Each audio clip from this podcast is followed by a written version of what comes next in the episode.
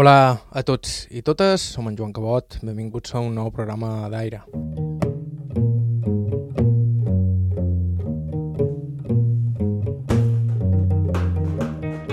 Ramon Cavaller, el protagonista del nostre programa d'avui, és un menorquí peculiar, per moltes raons. D'entrada, perquè deu haver viscut més anys fora de Menorca que a la seva illa, sobretot a Suècia i a Mallorca, on es va traslladar quan va fer 18 anys.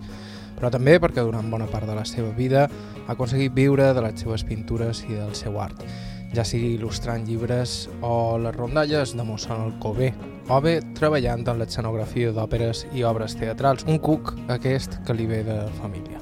Ell ho resumeix rememorant l'endevinalla. Col·legiant, col·legiant vaig néixer, col·legiant, col·legiant moriré, seré morta i enterrada i encara col·legiaré. I això ha estat la meva vida. Perquè allò que s'agafa en néixer, a la mortar es deixa. No, allò que aplegues de petit no, no t'ho lleves mai. I això és la meva situació. Per això he col·legiat pel món i, i ara som aquí, en aquest moment. Avui acompanyarem Ramon Cavaller, des de Mo a Estocolm, passant pels Estats Units i per Palma, esperant que valgui la pena el viatge. Estau escoltant Aire a IB3 Ràdio, us parla Joan Cabot, començam.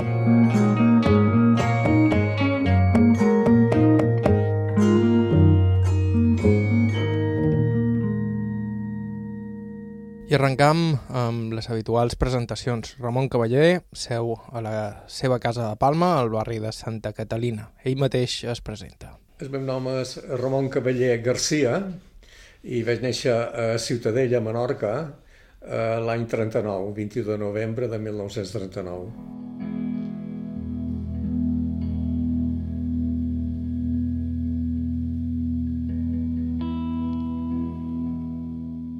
Pare era el cap de telègrafos de, de Ciutadella, va ser telegrafista, mon pare. Mon mare era filla de cantants, van anar a la companyia de cantants, eh, el meu avi i àvia formaven companyia i van anar a Ciutadella a cantar i eh, duen sa filla, que era ma mare, i ma mare va trobar mon pare, que era estudiant de telegrafia, i eren les festes de Nadal, se van conèixer i se van casar pels anys 20.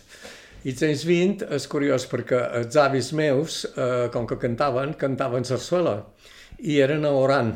Allà cantaven allà on hi havia població espanyola i podia ser Oran o Fort de l'O, o on hi havia menorquins, o bé, naturalment a Barcelona o a Terrassa, allà on fos. Però en aquest cas eren a Oran.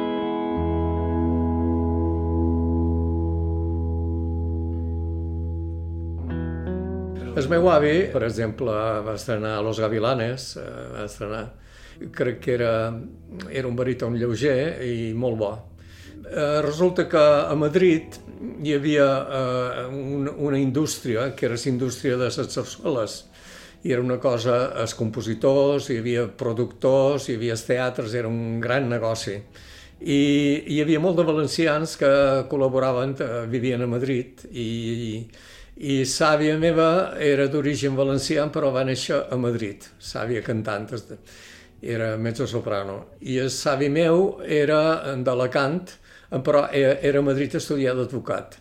Però com que cantava, hi va trobar aquesta senyora que també cantava i van formar una companyia que era García Soler. I Savi va ser un gran baríton, hi ha fins i tot gravacions seves.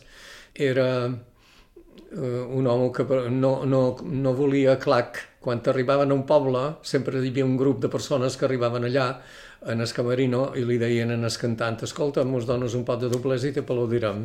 I ell això no, no, no, no ho tolerava. I també una cosa que era la moda de, de cantar d'aquell moment eren el que se'n diuen espinyols, que eren els calderons finals, que podien durar moltíssim, que eren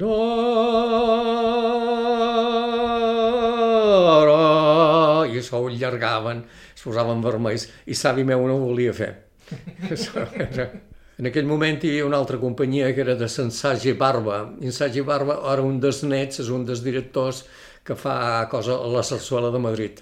És un net. En canvi jo eh, també duc els verí del teatre, el duc de dins, i també m'hi he dedicat. El gust pels escenaris, però, no sols venia per la vessant familiar. Menorca sempre ha estat un lloc especialment fecund per a l'afició la lírica i al teatre. En general, Menorca sempre ha anat diferent de, de, la, de la resta de les illes. És que realment eh, ja el regne, el regne de Mallorca, que era independent, cada illa era independent.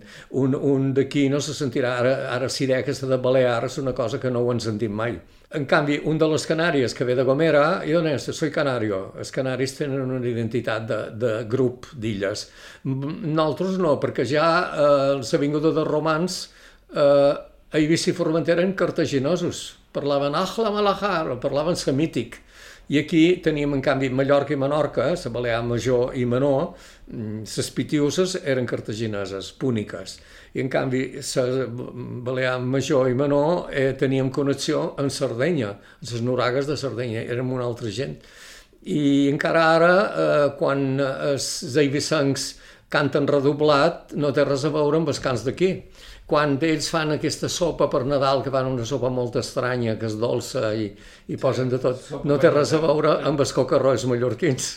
I, i, i així és, i però ara intenten crear el concepte de Balears, però és un sentiment que és molt mal de fer arrelar perquè no es basa en una realitat. Els hi passa igual a Toscana. Toscana és una regió i, i té, no sé si són nou províncies, saps?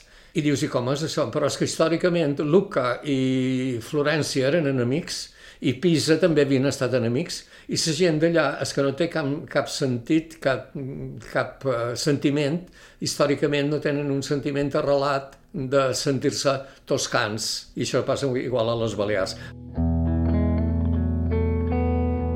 En tot cas, en aquells anys Menorca... Era un poble mm, molt primitiu, no? era un poble ocupat. Jo als anys 40 els record com a molt tristos. I tristos no només per les estretors de la postguerra, també per les adverses circumstàncies familiars. Quan jo vaig néixer, ma mare va, néixer de, va, va morir de jo. Jo vaig néixer i se va morir ma mare. I la primera cosa que va passar és que a veure on trobam una dona que tingui llet, m'havien de donar llet, ja me van treure de casa meva.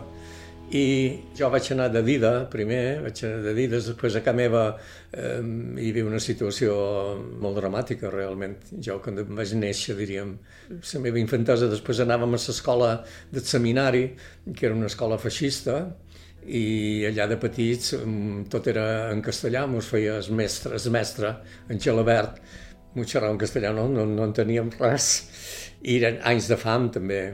Jo vaig passar molta fam. Fins als 10 anys vaig passar fam, realment. Hi havia molta gent, ho passava.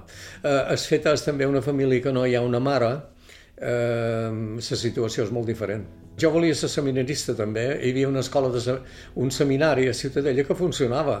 Allà hauria tingut música, llatí, grec, i hi havia una educació molt bona però me van posar a, Ca, a Calós, a Cas Padres, i allà era una, una cosa molt primitiva, i tot, a resar, la part sexual també era terrible, era un... Eh, realment, eh, totes les coses que vaig aprendre en aquell moment, tot allò ho he hagut de fer, de refer en la vida. No m'ha no servit res de tot allò. I a més a més, eh, una, una falta de, de l'Abbés, eh, era eh, desfiles i, i el bisbe, i era una ciutat molt clerical, hi havia el bisbe encara en Pasqual Marroig, que era mallorquí, i, i la gent que havia estat republicana ho passava molt malament, era, era una època mm, terrible, sobretot a Menorca, eh, que són pedres i vent. A Mallorca encara hi ha un ametler o un taronger o la gent d'aquí encara podia anar a la pobla a comprar patates, però allà a Menorca no, hi podia, no ho podies fer, això. Anaves tirant així com podies, sí, menjaves... O sigui, molta gent passava, passava. I jo, en els, amb les meves circumstàncies també vaig passar fam.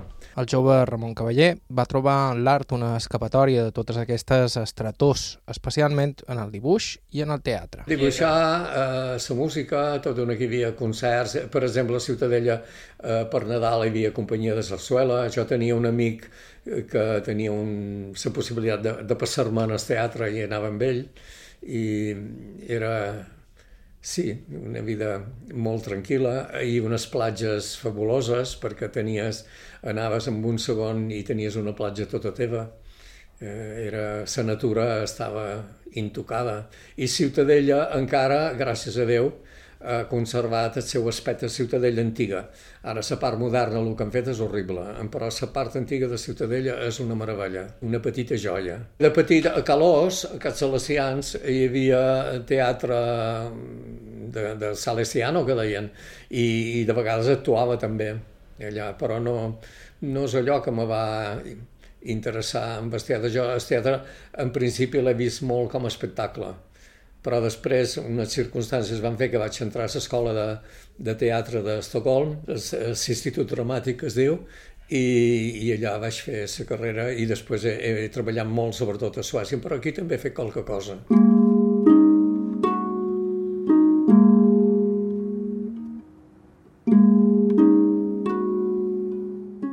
El dibuix, el dibuix és una cosa que per jo ha estat com, no sé, hi ha gent no, no diré com fumar perquè no és la mateixa cosa, però jo sempre he dibuixat. Jo tenia un gran amic que era en Llorenç Mollà, l'escriptor que va escriure El Fogó dels Jueus, que després li van muntar aquí El Fogó dels Jueus, ho van muntar a la Calatrava, i jo ho vaig dur jo.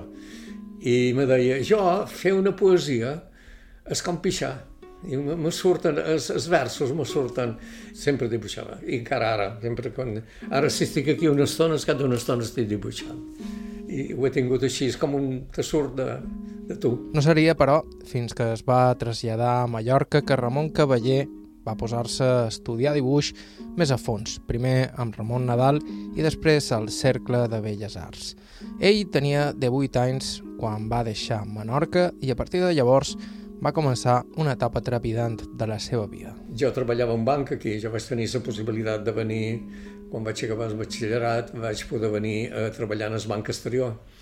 I quan treballava en el banc vaig anar, tot d'una vaig, vaig conèixer els, un pintor que era Ramon Nadal, un gran paisatgista, i vaig anar amb ell cinc anys. I després el Círculo de Belles Arts, que ara és el Parlament, la part de baix, allà hi havia cursos també de dibuix i, i vaig anar fent. Després en Moll me va demanar de fer les il·lustracions des darrers toms de les rondades mallorquines i també ho vaig fer.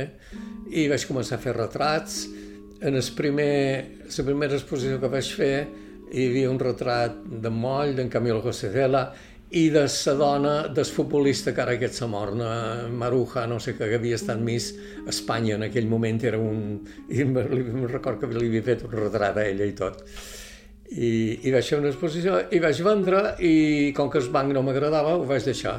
I tenia moltes adreces de, de Suècia i vaig anar a Suècia perquè tenia gent que havia vingut aquí i m'havia comprat quadros, eren de Suècia. Però després a Suècia vaig estar uns anys i després me vaig anar als Estats Units vaig fer un any després me vaig anar a Roma i vaig fer un altre any i després me vaig anar a Viena i no me va acabar de convèncer i me vaig tornar cap a Suècia. I després he estat a Suècia. Era Ramon Cavaller, nascut el 1939 a Maó, Menorca. En uns segons continuem amb la seva història i parlam de Suècia, Palma, pintura i llibertat. Estau escoltant Aire a IB3 Ràdio, fem una pausa i continuem.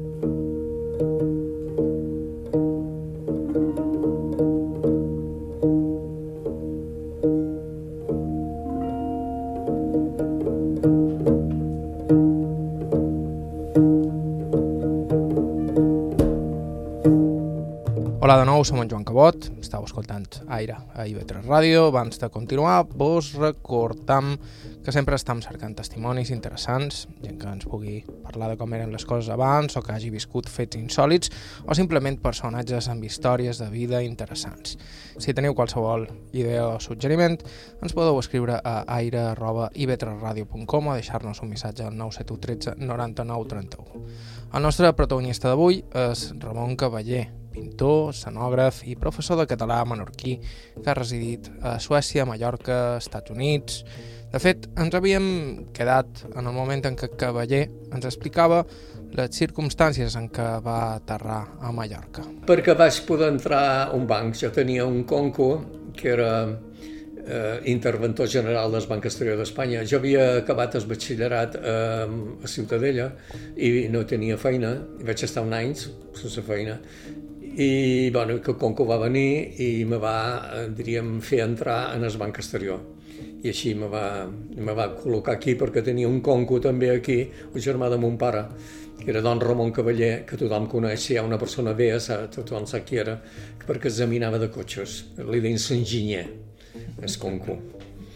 I, I nosaltres veníem de vegades de petits, també, tenc tres germanes, i, i veníem, qualque estiu venia un o l'altre, i mos alimentaven i tornàvem a Menorca amb 3 quilos més perquè aquí menjàvem. Estic parlant de, dels anys 40, eh, sí, sí, 40, dels anys 40.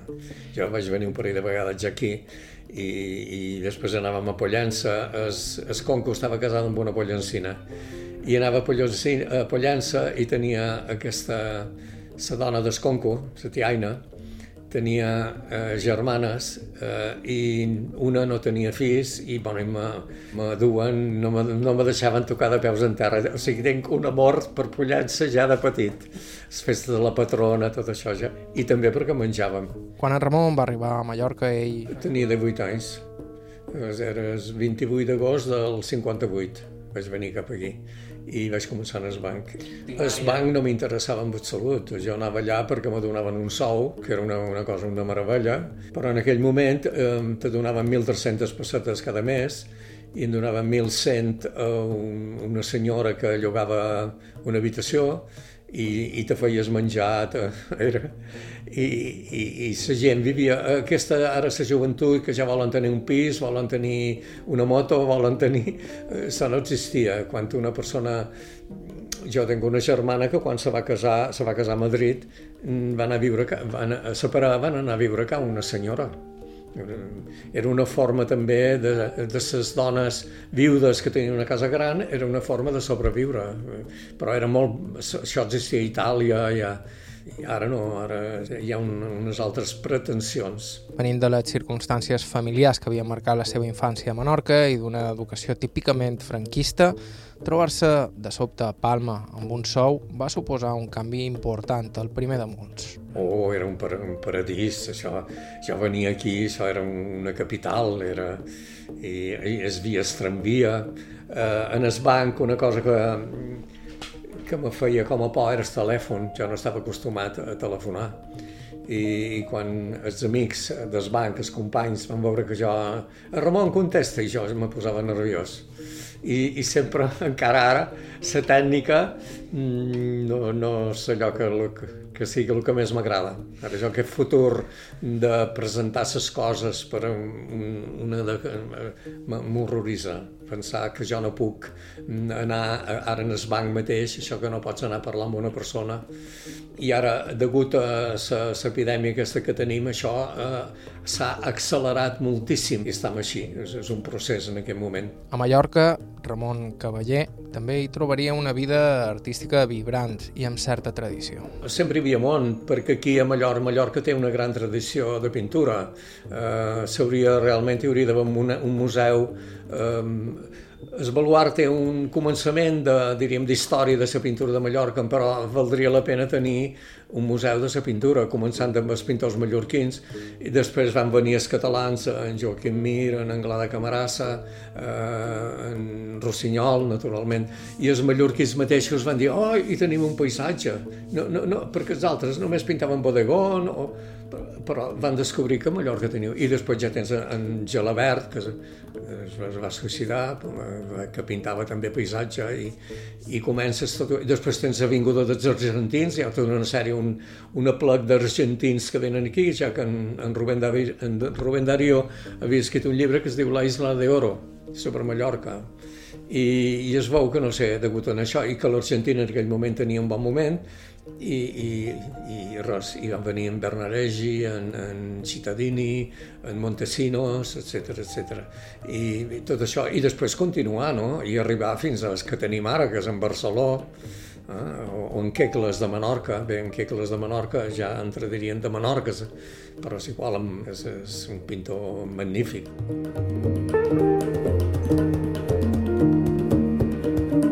La pintura en general eh, m'agrada tota, després hi ha pintors que t'agraden més. Eh, en aquell moment hi havia en Xam, que havia estat eh, professor i, i un deixeble d'en Xam havia estat en Pau Fornés, que després va pintar moltíssim, Pau Fornés té molta obra i jo el vaig admirar moltíssim. I en principi imitava en Pau Fornés i en el Cercle de Belles Arts me van donar, vaig començar a pintar aquarela i me van donar un, un premi de Salón de Otoño de, de l'any de no sé quan. I bé, eh, he de dir que aquesta tradició, en Pau Fornès és una pintura figurativa, molt mm, personatges, amb una gran elegància, diríem, eh, amb un, una gran tècnica de dibuix, no? I a la, a la vegada hi havia, havia hagut en Xam, que havia, també era, havia fet gravat, i en Xam era fill d'en de, de, d'en Clavé, un altre pintor que havia viscut a París. Eren, és com una línia, diríem, d'estil. De, que tenen un estil semblant i jo me vaig ficar dins d'aquesta qüestió. Va ser gràcies a la pintura que Ramon Cavaller va establir la primera connexió amb Suècia arrel d'una exposició a Palma on va vendre alguns quadres a compradors estrangers, amb qui mantindria el contacte. Seria l'excusa per a un primer viatge i finalment per quedar-se a viure en el país, en uns temps en què viatjar no era tan fàcil ni tan còmode. Ara bé, jo no, no vaig sortir mai per qüestions polítiques directament, o sigui, va ser curiositat, va ser ni vaig sortir realment perquè em va donar la gana de sortir. I era fàcil sortir? Era personal, o sigui, depèn de lo valent que un és i també depèn de, també de l'economia, sempre l'economia és molt important. En el meu cas, jo no tenia darrere una família que me digués si te passa res pots tornar, això no ho tenia. Però he tingut sempre, encara ho tenc, de no gastar més del que tenc eh, si un dia no pots menjar bistec i te'l menges bastanagues, i, i si un dia no pots menjar res vas a cau un amic i menges.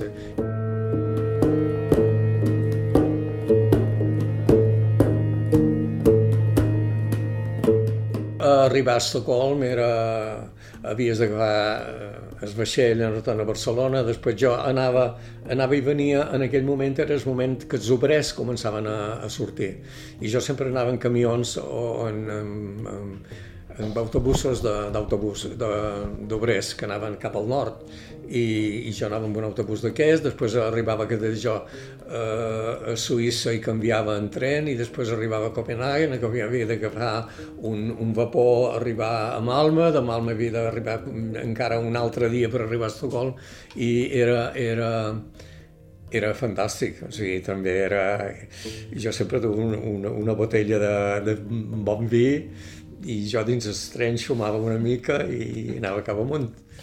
Devia ser un viatge llarguíssim. Sí, ho eren, eren llargs. A més, eh, tenia amics a, a Colònia, tenia uns amics, m'aturava, eh, i a més eh, són viatges que vaig fer moltes, moltes de vegades, però vaig anar i venir, que era com viatjaves en aquell moment. L'avió era impensable. Quant en tenies sense gent? Francès o...?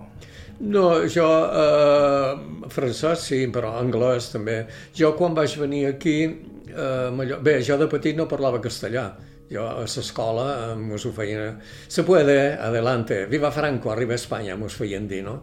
I després el professor, el mestre, li dèiem el gavatxut, perquè tenia un gavatx, eh, de vegades me diu, ho dius en pla, les meves germanes el parlaven, perquè ma mare eh, era, era de Madrid, ma mare, o sigui, però quan se va morir se va acabar, i les meves germanes sí, parlaven, eh, no, eh, parlaven eh, sempre en català, però eh, de vegades quan jo era petit, si volien que jo no, no sapigués una cosa, ho feien en castellà, però jo al cap de poc també ja les entenia. Realment ja a l'escola, tot el que ens ensenyaven, eh, els verbs i, i després el salesian, no? a poc a poc el, el vaig aprendre. I va haver problemes de fonètics, s'aprendre el so de G, que és un so vibrant, eh? en quan, en quanito, un traque, eh? eh, traje, el Jorge, eh, això era, i ho vaig aprendre. I un altre era el so de F, Cecília, Cecília, també eh, això, la gent d'allà era incapaç de, de pronunciar, de fer aquests, de, aquests sons. No? En aquells moments, Espanya i Suècia no podien estar més lluny una de l'altra, i la seva capital era l'exemple perfecte d'aquest contrast. D'Estocolm, Bé, era una ciutat molt moderna, molt moderna, eh, que havien fet unes reformes a Estocolm molt noves, i, i era un exemple de ciutat de futur, era com anar el futur. A part d'això, eh, podies anar a veure les pel·lícules d'en Fellini, podies, eh, era, era un, hi havia una, una gran llibertat, era un país molt més lliure. I anades i vingudes cap aquí, perquè jo després mai he deixat de venir, però hi havia qualque moment que venies aquí i deies, uf, no hi tornaré mai més, perquè era en Franco i sa, eh, l'església i era, era, un, era, molt desagradable. I va ser allà que vas estudiar sonografia? Sí, va ser a Estocolm. Suècia té dues coses que se podrien copiar. Primera és el préstec d'estudis.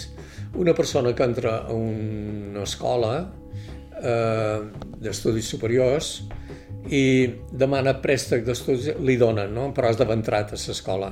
Una vegada has entrat a l'Institut Dramàtic, te donen un sou cada mes, que després has de tornar que ha estat el meu cas. Jo vaig poder estudiar gràcies a això. I segona cosa, que tampoc ho han copiat aquí, és que els immigrants tenen dret a la llengua materna a l'escola. Ara tots aquests nins de, per sa poble que són musulmans, eh, cada divendres tindrien àrab a l'escola, com a assignatura dintre de l'ensenyament. I si tu vas a Estocolm i parles eh, curt o, o anglès o letó, mm, tu tens dret, i si parles català també, tens dret a l'escola de tenir català. I això ho vaig fer jo, vaig ser professor de llengua materna durant 13 anys a Estocolm. Aquí jo havia anat en els cursos d'obra cultural balear, d'aquell moment eh, que es feien a l'Estudi General Olià, que els feia el senyor Moll, Francesc de Moll Moll. I eren cursos que només hi havia senyors, només eren, hi havia frares franciscans encara vestits amb, en, en Guillem de Fac, també, me'n tenc record, que, i vaig anar en aquests cursos que eren com a mig perillosos perquè no sabien si la policia entraria o no entraria. I allà vaig començar. I sobretot he tingut un gran...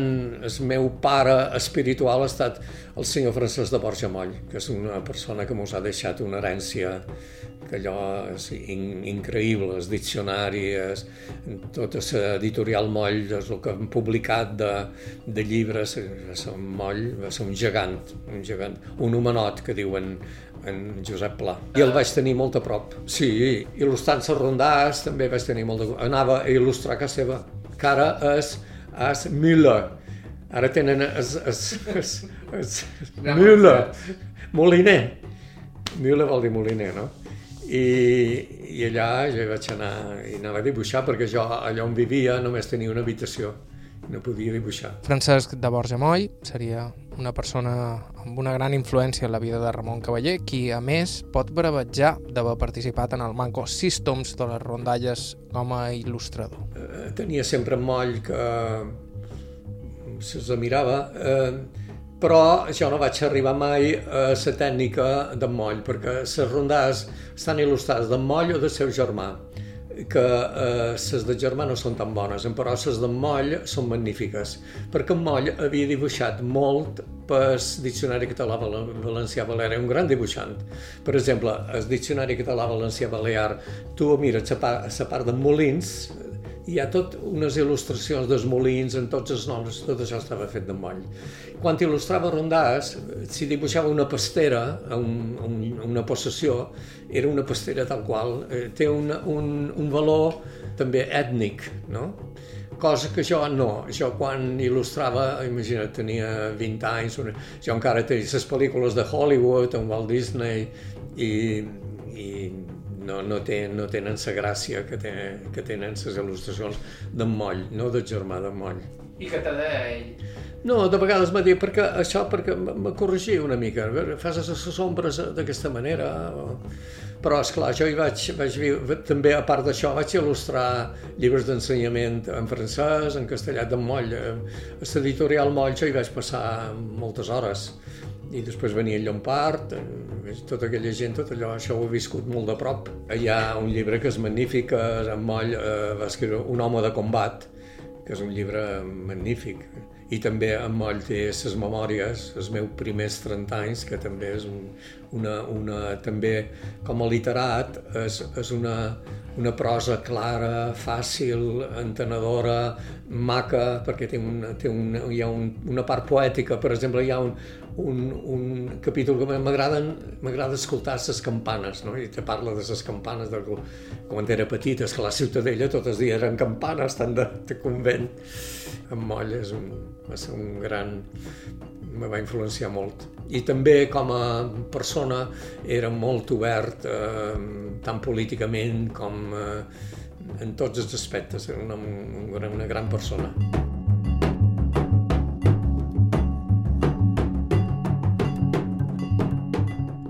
En uns segons, un viatge més encara. Ramon Cavaller visita els Estats Units. Serà després de la pausa.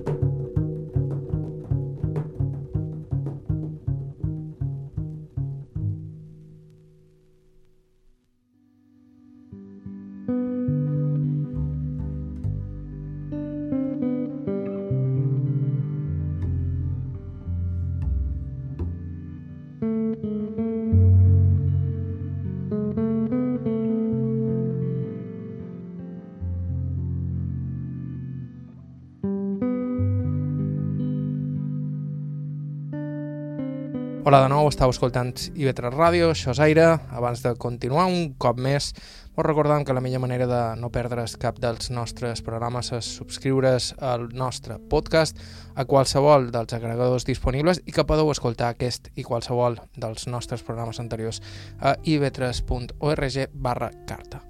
Aquest, de nou, és Ramon Cavaller, pintor, escenògraf i professor menorquí. Nascut el 1939, som a casa seva, a Santa Catalina, a Palma, i m'està mostrant els quaderns on feia els seus primers dibuixos de nin, a l'escola franquista d'aquells anys posteriors a la guerra. Això és el teatre d'esborn. És que jo, mon pare i mon mare es van... Ara l'han restaurat i ha quedat molt bé, molt bé. Però això és d'abans. Això és de, és de fa anys, això ho, guardo, ho guardo perquè m'agrada. Però t'ho vull mostrar una cosa que... Mira, això. Això és una cosa que hauria d'estar al museu.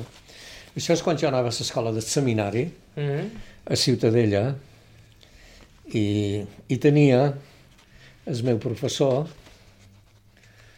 que el senyor Gelabert, i aquí, jo tenia aquí, tenia vuit anys, eh? que posa? Amèrica, Àfrica, Espanya... I després hi havia el control de la falange. O sigui, és pobre, és professor... Vocació d'Espanya. I els dibuixos els feies... És de, són meus. En Espanya ahora tiene el mismo jefe, totes en Franco, es... i Sòfia, els nins... Un nin de tan sols 8 anys en el cas d'en Ramon. Era rentat de cervell. A més, jo en aquell moment hauria pogut aprendre altres coses, vull dir, aprenies un dois i, i la part de religió també, ens feien aprendre les promeses que hizo el Sagrado Corazón a Santa Maria, Maria del, de al, a la Coque, de memòria ens feien prendre un llibre, era, Bueno, ja està, ja és tot.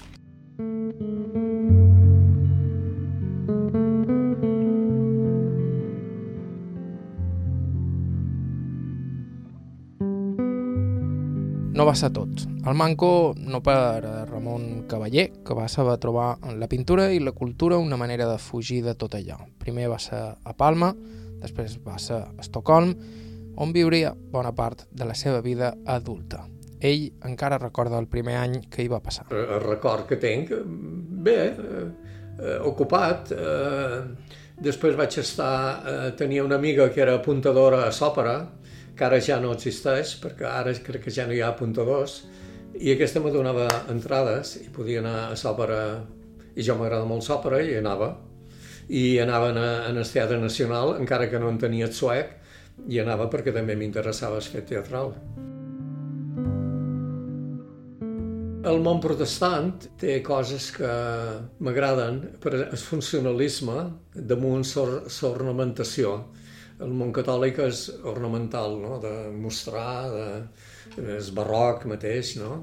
les persones, les cases, la sala bona, el món protestant és molt més funcional, cosa que jo me va molt bé. O sigui, jo crec que és molt important ara aquí mateix és que estiguem calents, que hi hagi calefacció i la llum, eh, per exemple, cosa que aquí ni, ni sobretot l'acústica, aquí és, no, hi ha, no hi ha cultura d'acústica ni cultura de llum. I en canvi els països nòrdics sí degut que són foscos i silenciosos. I, I quan te dic això, no dono cap valor de millor o pitjor, no sé si ho has notat. Dic que és diferent, són dues coses diferents. L'idioma suec ell l'aprendria prest, pel que sembla mai li ha suposat un problema molt gran aprendre una nova llengua. Saber un idioma és una cosa personal. Un idioma té dos factors. Té un factor tècnic, per exemple, jo tinc fam, és una estructura de, de l'idioma català, jo tinc fam però tu també pots anar pel món i dir boca, menjar, i no necessites aprendre una estructura. I això és personal, cada persona té una possibilitat de crear idioma. Però crear idioma no és tan sols les paraules, sinó que són intuïció, empatia cap als altres, i cada persona s'ho ha d'arreglar de la seva manera. Jo he tingut amics que poden llegir en 10 idiomes, però després no, no els parlen. Pots tenir coneixements passius d'un idioma i no actius. I en canvi hi ha persona que no, no sap cap idioma, però ells se'n van allà i s'arreglen en quatre paraules. Si tu no saps dir blanc, dius, bé, al contrari de negre.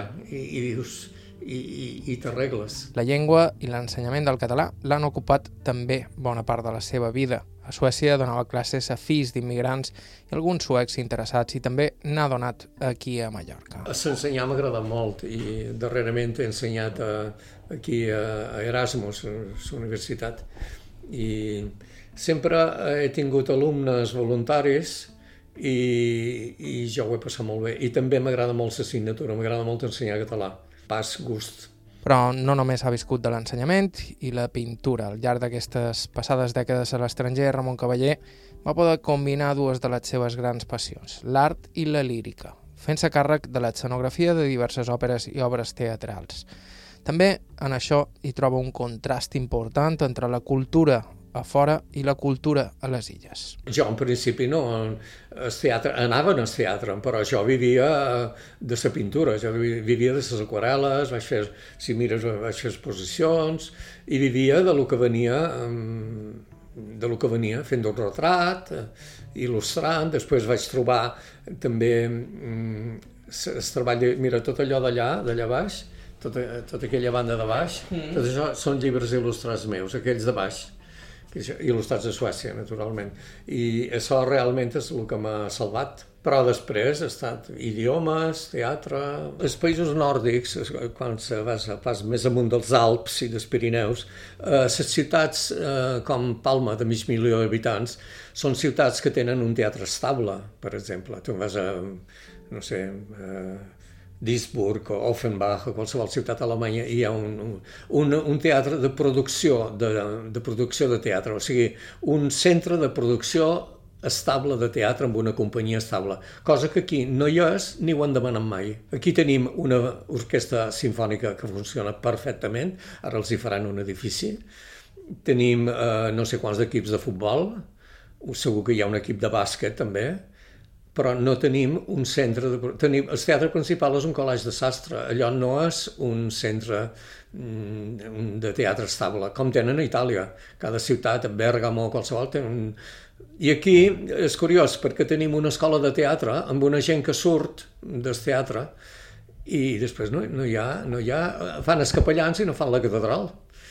I això no ho diu ningú, ni els crítics, ni la gent de teatre, ni els polítics, no, no es preocupen.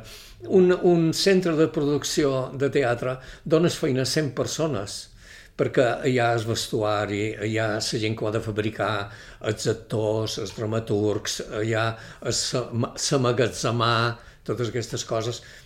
I això, això, esclar, això requereix un edifici per fer un vestuari, per exemple, necessites donar pàtina, necessites tenyir, oxidar el vestuari, això, necessites espais, necessites rentadores, i això ho tenen aquests...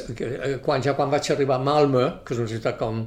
Hi havia el Teatre Municipal de Malmö, que era una meravella, que produ produïen ells coses. I en canvi aquí mm, no ho tenim. En canvi, eh, i això no ningú diu res, si miram els, els centres de producció teatral que té Madrid, que ho pagam tots, Eh, n'hi ha 7 o 8 i això no està repartit.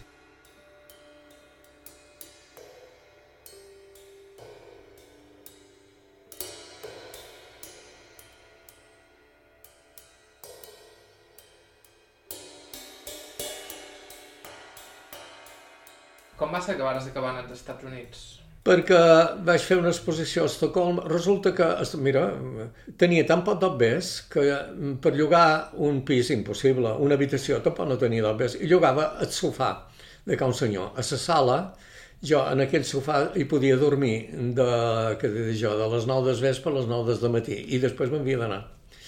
I me'n vaig anar eh, amb aquesta situació, però content i feliç, eh? no, no, me'n vaig anar al Museu d'Història i els hi vaig dir, puc venir aquí a pintar. El Museu d'Història d'Estocolm és el que hi ha des de l'època vikinga fins al barroc, qüestió d'escultures, de tríptics, un museu magnífic.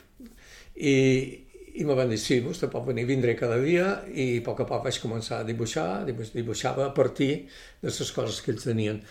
I fins i tot, amb un cavallet, vaig començar a l'oli, també, i fins que va venir un, una docent, que diuen allà, una especialista, el diu el senyor Cavaller vol fer una exposició, dic sí, sí, sí, i la vaig fer. I aquesta exposició me la van pagar ells i es deien un espanyol veu eh, l'edat mitjana sueca.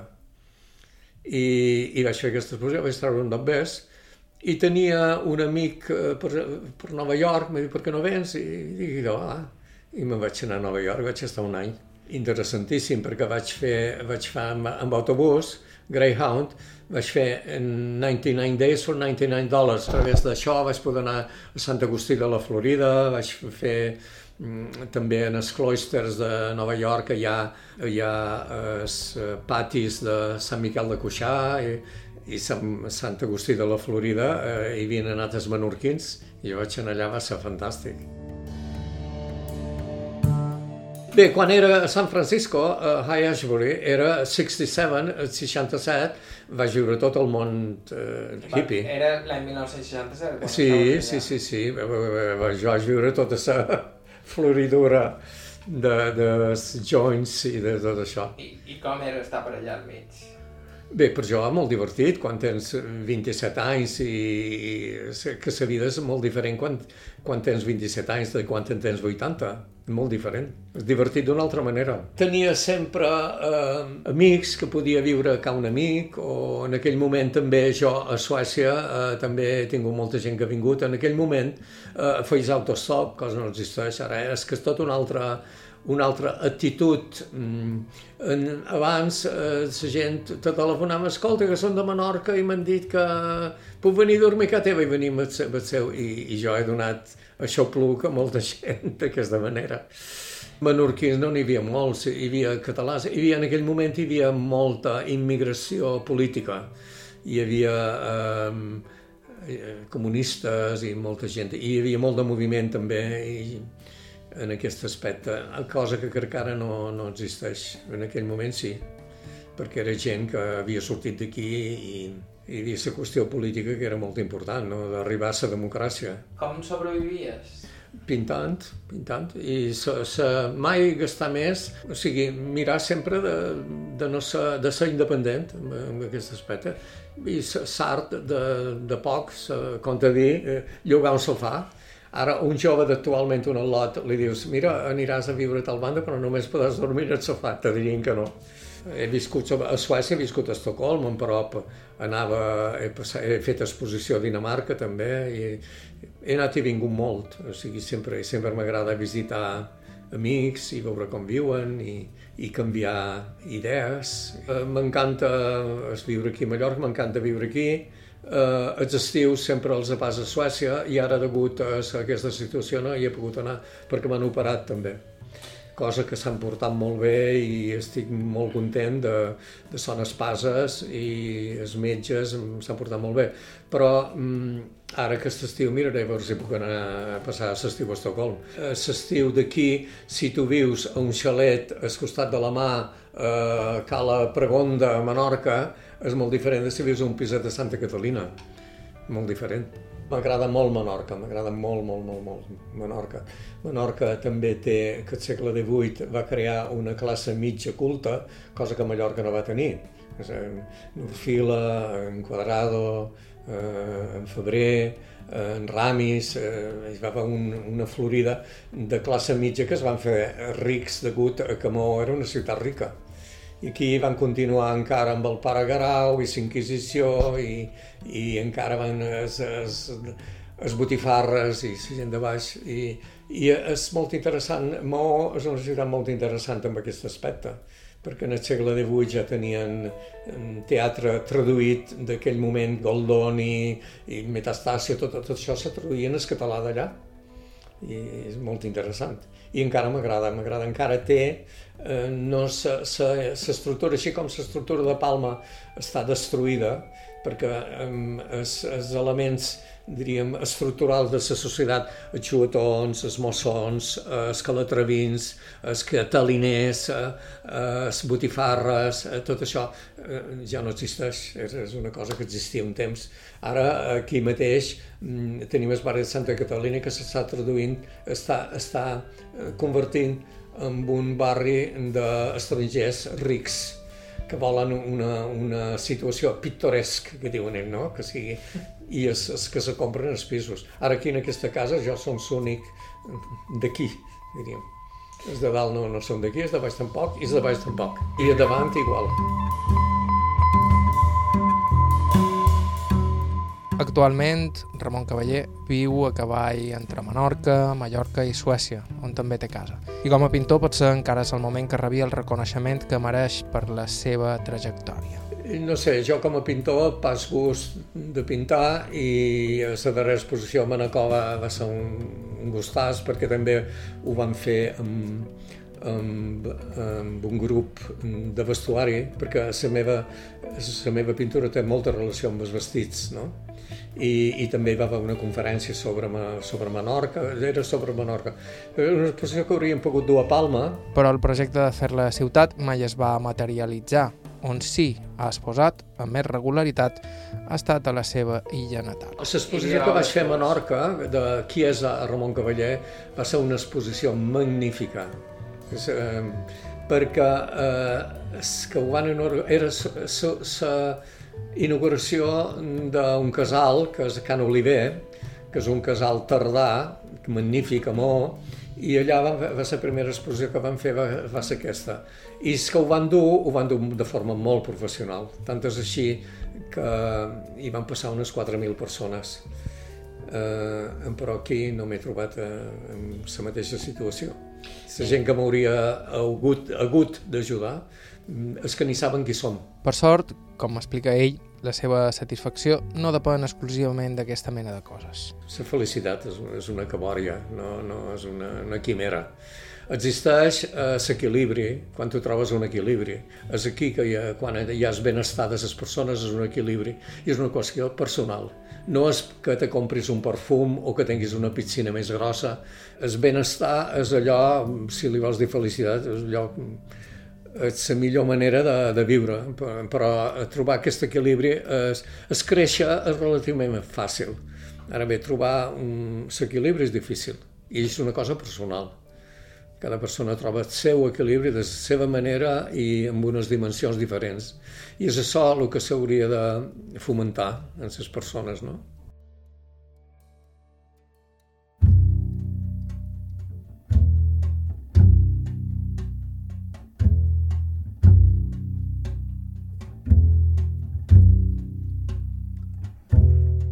I fins aquí el programa d'avui. Moltíssimes gràcies a Ramon Cavaller pel seu temps i amabilitat i moltíssimes gràcies a Albert Arranz pel contacte i Paco Mulet pels suggeriments. Com sempre, vos recordam que si ens voleu proposar un testimoni ho podeu fer per correu electrònic a aire.ivetresradio.com o bé deixar-nos un missatge al 971 13 99 31. Us podeu subscriure al podcast d'Aire a qualsevol dels agregadors disponibles i a ib3.org barra carta hi trobareu tot l'arxiu del programa. La música que ha sonat avui ha estat de Joshua Abrams, Marisa Anderson amb Jim White, Jacob Bro i Chris Speed Trio. Bàrbara Ferrer, la producció executiva, vos ha parlat Joan Cabot. Gràcies per ser a l'altre costat i fins la setmana que ve.